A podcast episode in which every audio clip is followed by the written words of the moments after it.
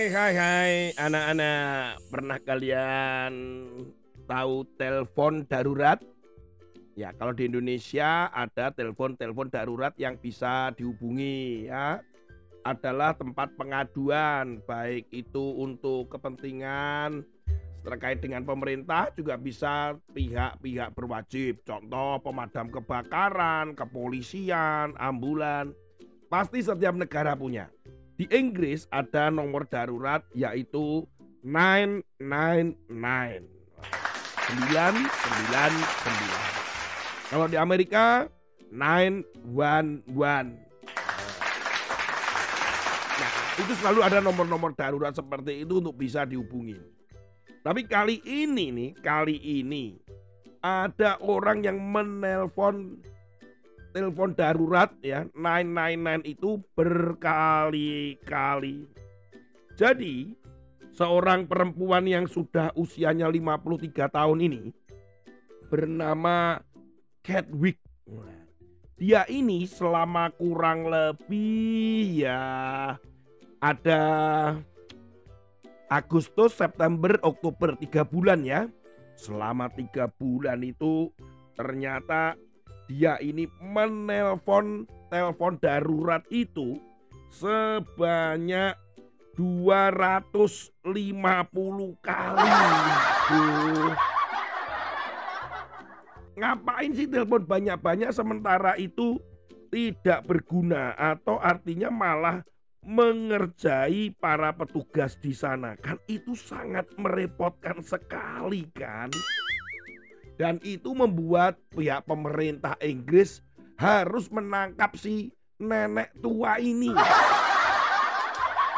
Karena dianggap tidak menyenangkan, mengganggu keamanan.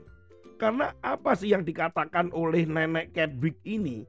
Ternyata nenek Catwick ini cuma memaki-maki loh anak-anak. Memaki-maki petugasnya. Kemudian dia kata-kata kotor, mengancam untuk membunuh penjahat. Seperti itu. Waduh.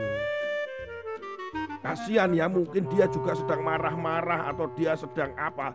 Tapi setidaknya selama tiga bulan itu petugas 999 telepon darurat di Inggris itu kerepotan menghadapi si nenek Catwick ini.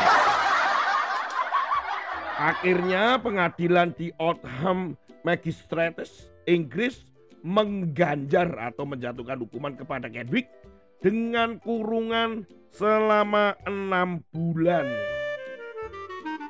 dan didenda sebesar 35 euro tanpa jaminan. Dia dihukum karena di, menyebabkan ketidaknyamanan dan kecemasan bagi layanan publik. Oh, waduh, waduh ini si nenek ini ya kata-katanya itu waduh mestinya kan sudah tua ya kata-katanya yang bijak yang baik. Tetapi kenyataannya malah memaki-maki berkata-kata kotor. Wah itu yang ya kita menjadi sedih ya.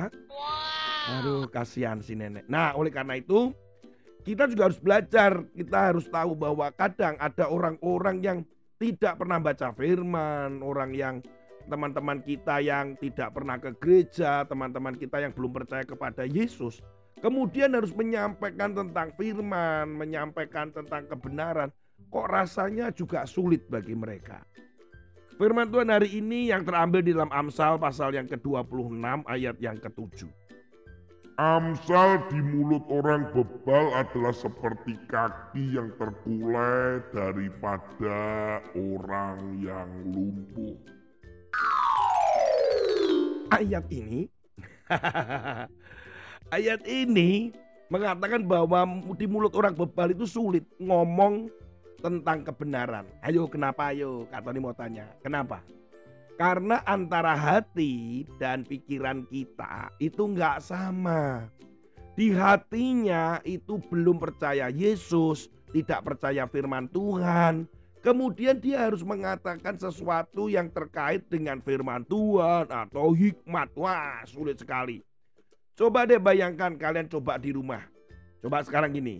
Coba kalian geleng kepala sambil kalian mengatakan iya. Coba ayo ayo ayo. Coba bisa nggak? Kak Tony tantang nih. Coba nih. Bisa nggak kalian menggelengkan kepala ya ke kanan ke kiri tapi sambil bilang iya coba ayo. Bisa nggak? Bisa? Bisa nggak? Wih agak sulit ya agak sulit. Pasti ada yang gagal ya. Ada yang gagal. Atau sebaliknya sekarang coba anggukkan kepala kemudian sambil berkata e, tidak tidak tidak gitu. Tapi sambil menganggukkan kepala. Coba satu dua tiga. Bisa Sulit ya. Artinya lihat tuh bahwa ada yang berbeda antara mulut dengan gerakan tubuh. Sekarang ini kalau ada perbedaan juga di hati ini dengan di mulut itu itu juga sama, sulit. Orang yang tidak percaya Yesus suruh menceritakan Yesus. Orang yang tidak percaya firman suruh menyampaikan firman. Orang yang berlaku dosa dan jahat mau ngomong tentang yang benar kan sulit. Jadi kalian Kak Tony percaya kalian yang sudah percaya firman, percaya Yesus, kalian lebih mudah ngomong tentang kebenaran firman dan menceritakan tentang Yesus kepada siapa saja di sekitarmu. Beritakan, ceritakan Yesus kepada siapa saja.